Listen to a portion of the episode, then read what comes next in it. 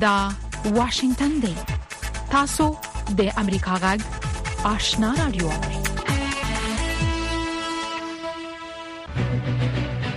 قدرمن اوریدونکو السلام علیکم زه شافیا سردار یم دا د امریکا جغ آشنا رادیو خبرونه پیل شوه لومړی به خبرونه واوري السلام علیکم درنو اوریدونکو ستړي مشي زه زیبا خادم یم دا د امریکا غږ آشنا رادیو خبرونه ده د نړۍ د دې ساعت خبرونو ته ساسې پام را اړوم د امریکا د متحده ایالاتو د بارنیو چارو په وزارت کې د افغان میرمنو د مسایلو په حق لغونډه جوړیږي او خارجه وزیر انټونی بلینکن هم ورته وینا کوي د ډیرو مطبوعاتي راپورټونو لمخې د امریکا د باستن پوهنتون د پنځشنبه په ورځ په خبرپاڼه کې ویلي دي چې دا غونډه د فبرवरी د میاشتې په 28مه جوړیږي په دې غونډه کې په افغانستان کې د حیاتي پانګې په پروګرامونو د اقتصادي ودې د خزو او جنونو لپاره د کارموندنې په باب په تمرکز خبرې کیږي ویل شوې دي چې د افغانستان لپاره د امریکا ځانګړی استاد تامس وست او د افغان خزو او جنونو او د بشري حقوقو لپاره د واشنگټن ځانګړي استاد رینا امیری به هم په دې غونډه کې برخه واخلي د افغانستان لپاره د امریکا ځانګړي استازي تامس ویس ویلي دي چې په ټول افغانستان کې د مشترکو ګټو په حق له قوي اجماع موجوده ده د امریکا د متحده ایالاتو د خاص استازي تامس ویس د قطر په پایتخت دوحه کې د افغانستان په حق له غونډې کې د ګډون نه روسته ویلي دي چې د دې غونډې ټولو ګډون کوونکو غوښتل چې دا وګوري چې افغان میرمنې او جنکۍ زده کړو کار او ټولنه کې عام ژوند ته بیرته ستنې شي ویس چې تازه د دوحې د کانفرنس نه بیرته واشنگټن ته ستون شوی دی د پنځشنبه په ورځ په ایکس پاڼه کې لیکلي دي چې هیڅ هواد نه غواړي چې له افغانستان نه د دهشتګرۍ خطر پیښ شي هغه ټینګار کړی دی چې ټول غواړي د نجونو ښوونځي او پوهنتونونه بیرته پرانیستل شي جنکۍ او ښځې بیرته ټولریز ژوند او کار ولري د افغانستان لپاره د امریکا ځانګړي استازي همدغه راز ویلي دي چې د افغانانو سره د مرستو لپاره کلک تعهد موجود دی خو د اقتصادي ثبات او د افغانانو د آینده په حق له ځینې اندېښنې هم موجود دي د طالبانو د بارنیو چارو سرپرست وزیر امیر خان متقی ویلي دي چې په دوحه کې د ملګرو ملتونو په کوربتوب د افغانستان په حق لغونډې خاصه نتیجه نه درلوده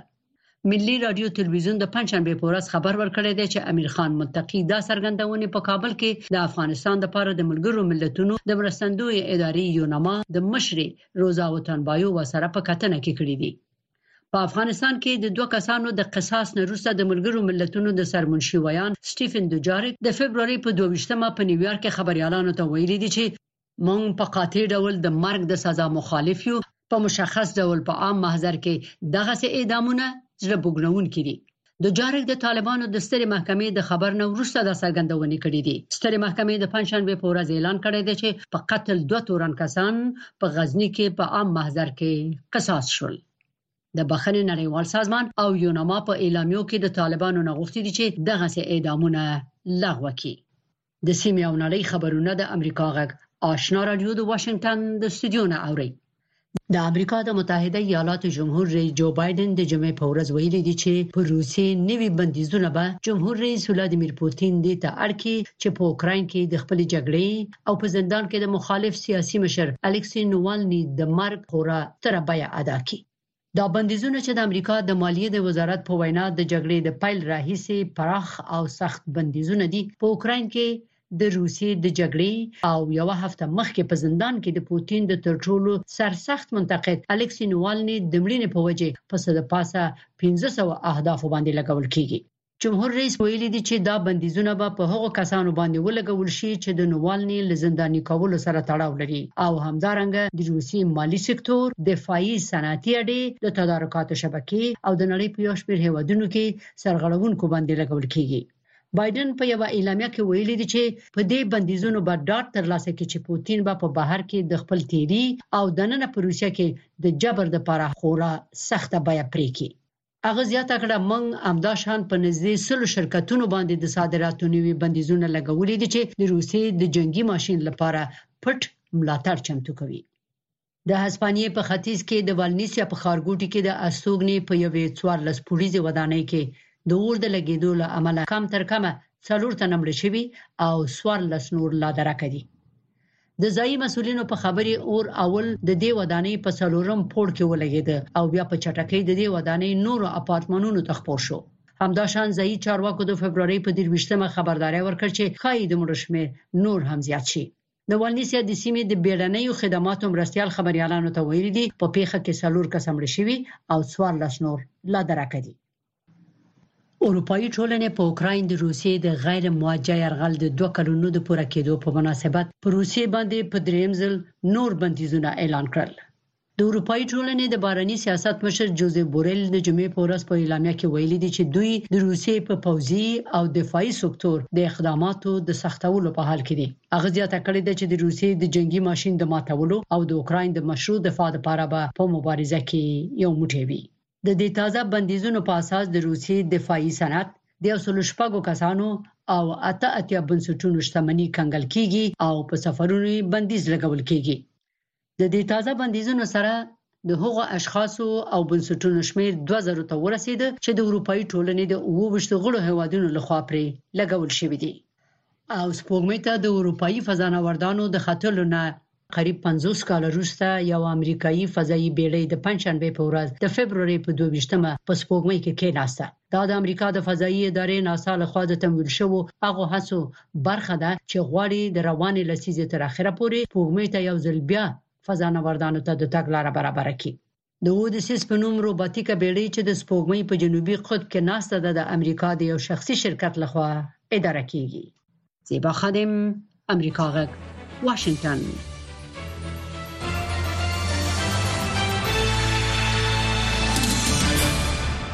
خبرونه مو د امریکا جغ آشنا رادیو څخه واوریدل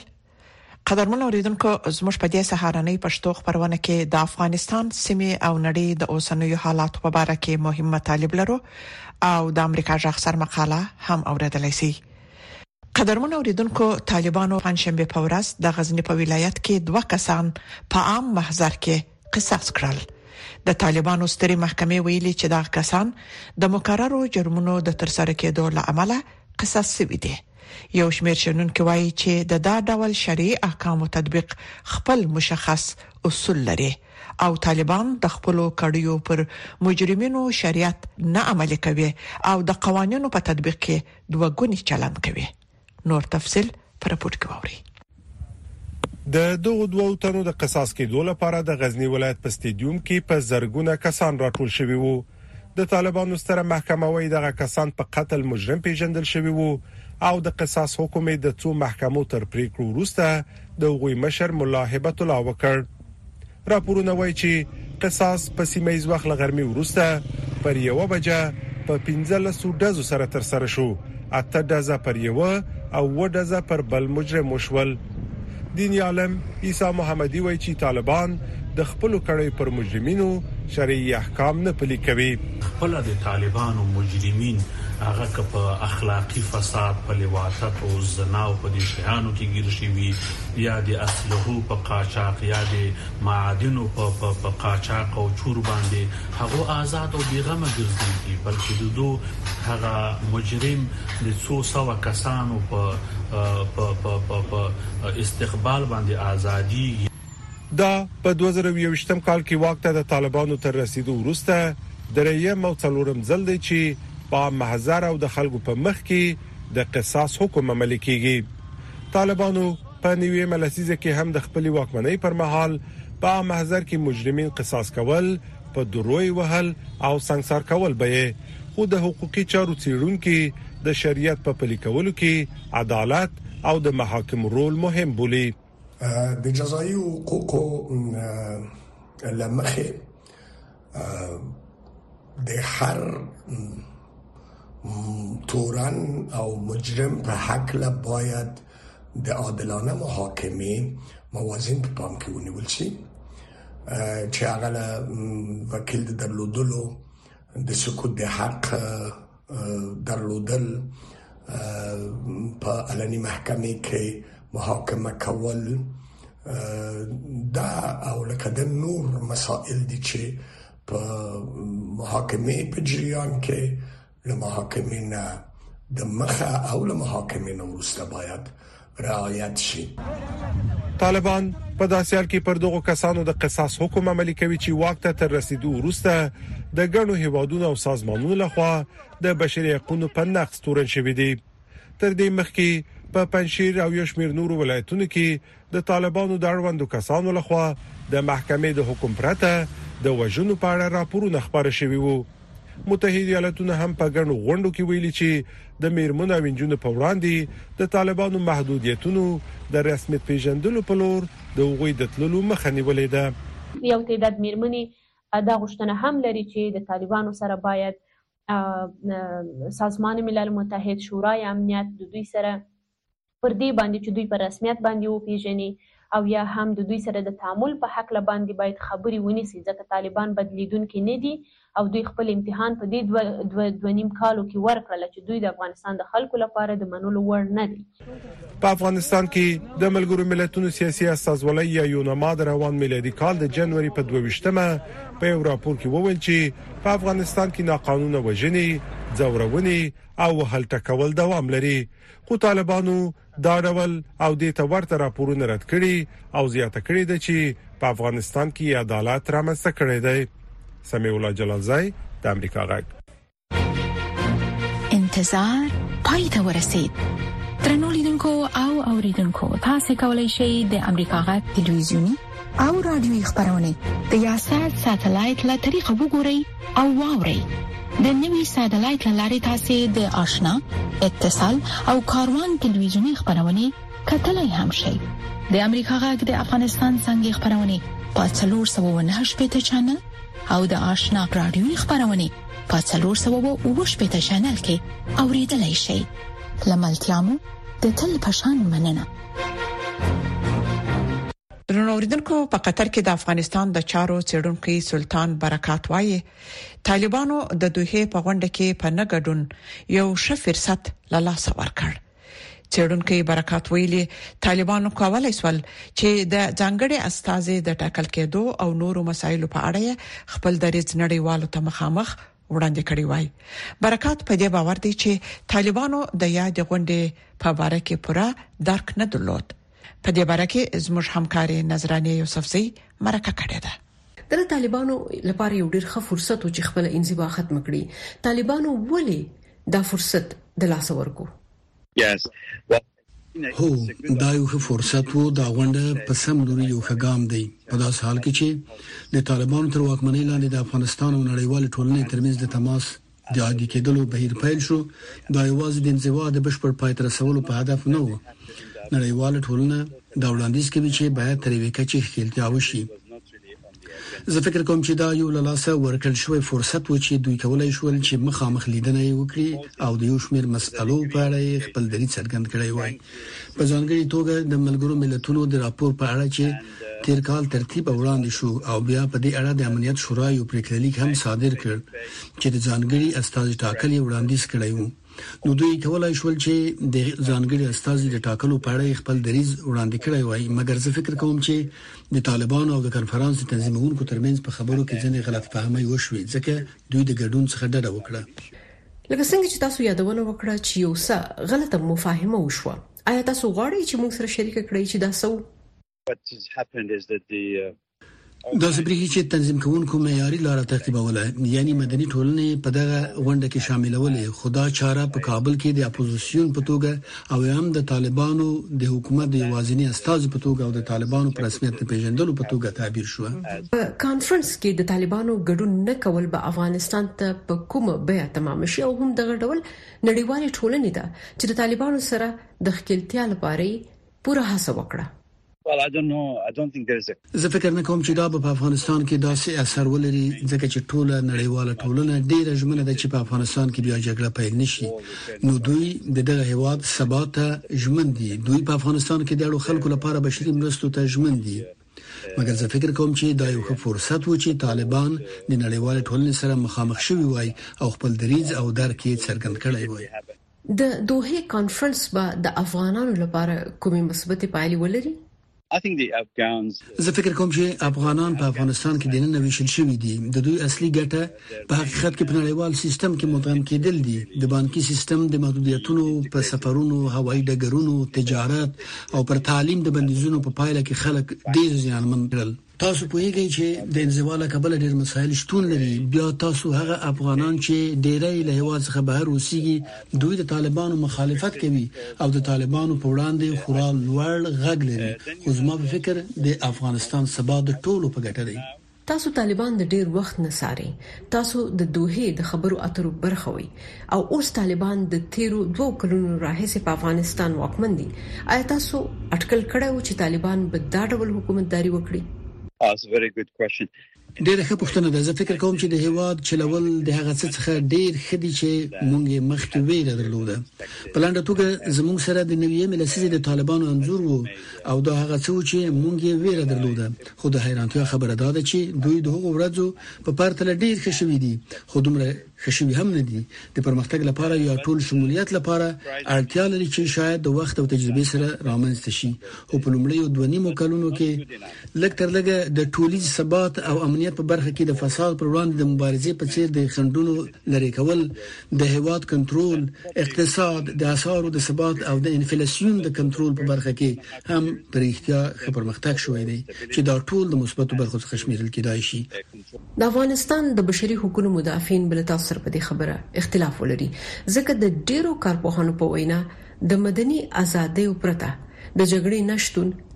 دغه سوله یوه منفي سوله ده. ایا تاسو له دې سره موافق یئ چې دوی باید د بشري حقونو په خاصه توګه د ښځو د حقونو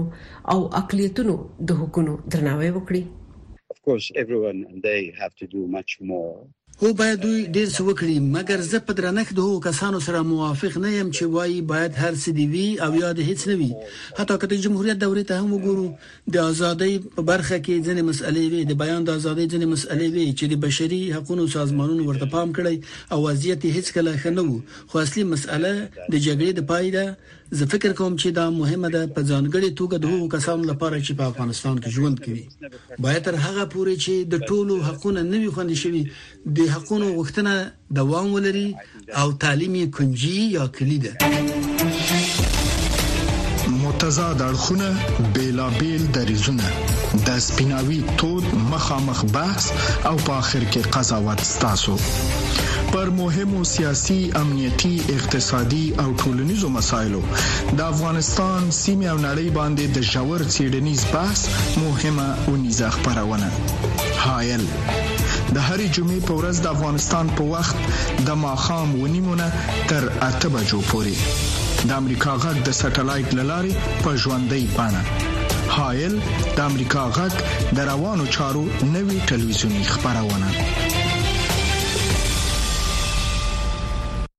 د ولادیمیر پوتین د سیاسي مخالف الکسي ناوالني مرګ روسیه د امریکا د سیاسي بحثونو په ګرمه موضوع بدله کړې او د کانګریس پر جمهوري غوښتونکو غړو فشار زیات شوی چې د اوکراین ملاتړ وکړي په ورته وخت کې جمهور رئیس جو بایدن او د هغه اصلي سیال په خوانی جمهور رئیس ډونلډ ترامپ د نوومبر په میاشت کې د امریکا د انتخاباتو په اړه بیلابل نظرونه لري په دې باره کې رپورټ واوري د روسیې په زندان کې د هغه هیواد د سیاسي مخالف الکسي ناوالني مرګ د روسیې د ولسمشر ولادیمیر پوتین او پر اوکراین د هغه د یرغل په اړه د متحده ایالاتو سیاسي څرګندونې چټکې کړې دي دا دوه کسان د امریکا د جمهوري ریاست ټاکنو د بحث پر موضوع بدل شوي دي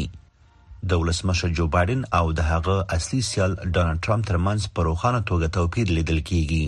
حقیقت دا دی چې پوتین مسؤل دی، که هغه دا امر کړی وي، هغه په دغه شان وضعیت کې د دغه کس د واقع کولو مسؤل دی او دا وضعیت ښیي چې هغه څوک دی. دا د منلو وړ نه ده. ما وویل چې بیه به یې پرې کړي. روسیې دا تورونه بې اساسه او توهین ګڼلی او چارواکو د ناوالني جسد ته د هغه د مور د لاسرسي مخنیوی کړی. ټرمپ او د هغه جمهوري غوښتونکي ګوند یو متفاوت دریځ غوره کړی. ټرمپ وایي چې هغه به د بایډن په څېر د ناټو جدي ملاتړ ونه کړي. له فاکس نیوز سره په وروستۍ مرکه کې ټرمپ هم خپل ځان د ناوالني په څېر د سیاسي تعقیب د قرباني په توګه یاد کړ. دا وحشتناکه ده خو دا زموږ په هیواد کې هم پیښیږي موږ په ګڼو لارو په یو کمونیستي هیواد بدلیږو که تاسو وګورئ زه یو مخکښ کاندید یم ما مخکې د تورن کېدو په اړه نه دی اوریدلی زه څلور ځلې تورن شوم اته یا نه محکمې لرم تاسو پر دې پوهیږئ چې دا ټولي ځکه دي چې په حقیقت کې زه په سیاست کې یم په اوکراین د روسیې د جګړې په اړه د ټرمپ نظر ناڅرګند و، پر ځای یې وویل، که دی ولسمشر وای، پوتین به هېڅکله پر اوکراین یرغل نه وای کړی. جمهوري غوښتونکي پوښتي چې ولې دوی باید د جګړې مالي ملاتړ وکړي؟ د روسیې ځواکونو په دې وروستیو کې یو کلیدي ښار نیولی دی، سپینې ماڼۍ د ثبوت په توګه ورته اشاره کړې او د اوکرایني ځواکونو سره یې د بېړنۍ مرستې غږ کړی دی. یو شمېر جمهوري غوښتونکي ډاډه دي چې د پنځه نوي میلیارد ډالرو د مرستې بسته چې ډېره برخه یې اوکراین ته ځانګړې شوې، تصویب کړي. فکر کوم د اروپا او متحد ایالتونو سوکه ځواب به اوکراین ته زیان واړوي، نو موږ نشو کولی اجازه ورکړو چې داسې وشي، ولې موږ غواړو چې یو څه وکړو، په ورته وخت کې جګړې ډېر ارزښت پیدا کړی دی. دا اوس د امریکا په اړه ده. آیا امریکا به د خپل ځواک په اړه رول ته دوام ورکړي او خپلې ژمنې به وساتي، خپلو متحدینو ته به درناوی وکړي او د ځواک د ایجادولو وړتیا لري او یا امریکا د یو جدي ځواک په توګه پای ته رسېدلې؟ دا اوس یوه پوښتنه ده، نوره د روسیې او اوکراین په اړه نه ده.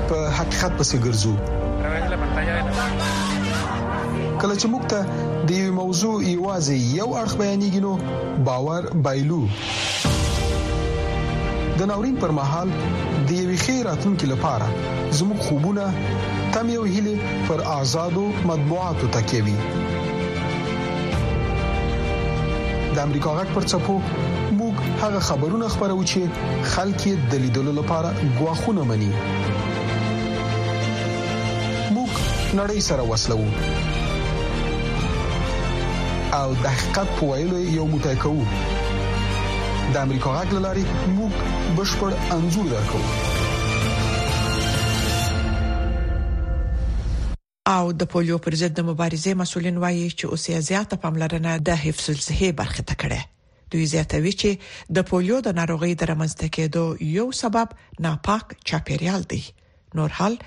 د صدیق الله صدیقي پر رپورت کې ووري په جنوب کې د ګوزڼ ناروغي پر ضد د مبارزې ګډ کاري ټیم وایي چې د ګوزڼ ناروغي د مخنیوي لپاره د شخصي او محیطي پاکوالي مسله اوس په لومړیتوب کې ده په جنوب کې د پولیو پر ضد د مبارزې د مرکز مسول ډاکټر جمال الدین وایي چې د ټولنې د عامه پوهاوي برخه کې ډیرو کارو ته اړتیا ده او زیاته پاملرنه روان کال دې برخې ته کیږي دی زیاتوي چې له دې لارې هڅه کیږي چې ټولنه په عمومي توګه د ماشومانو واکسین حفظ الصحي او تغذیه ته اړینه پاملرنه وکړي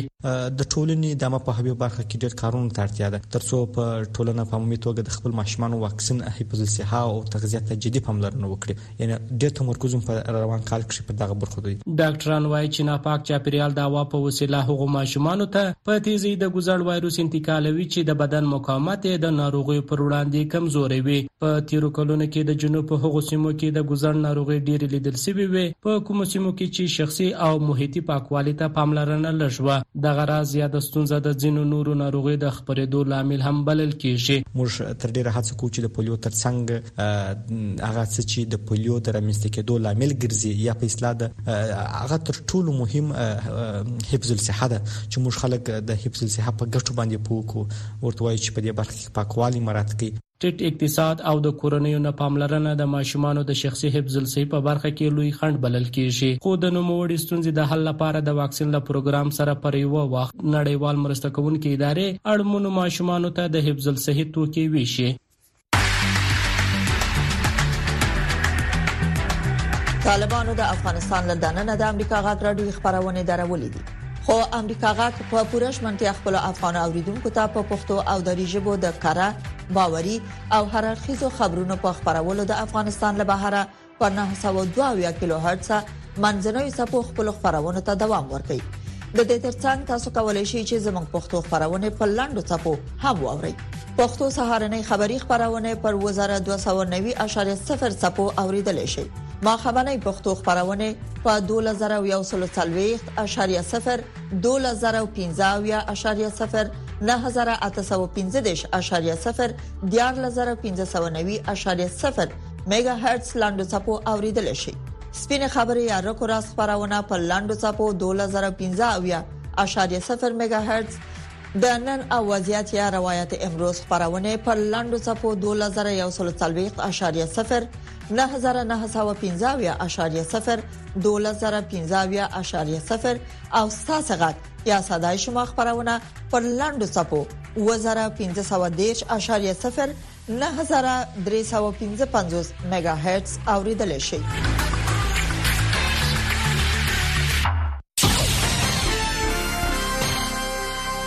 د اوس په امریکا ژغ سرمقاله ووري چې د امریکا د حکومت رسمي نظر څرګندوي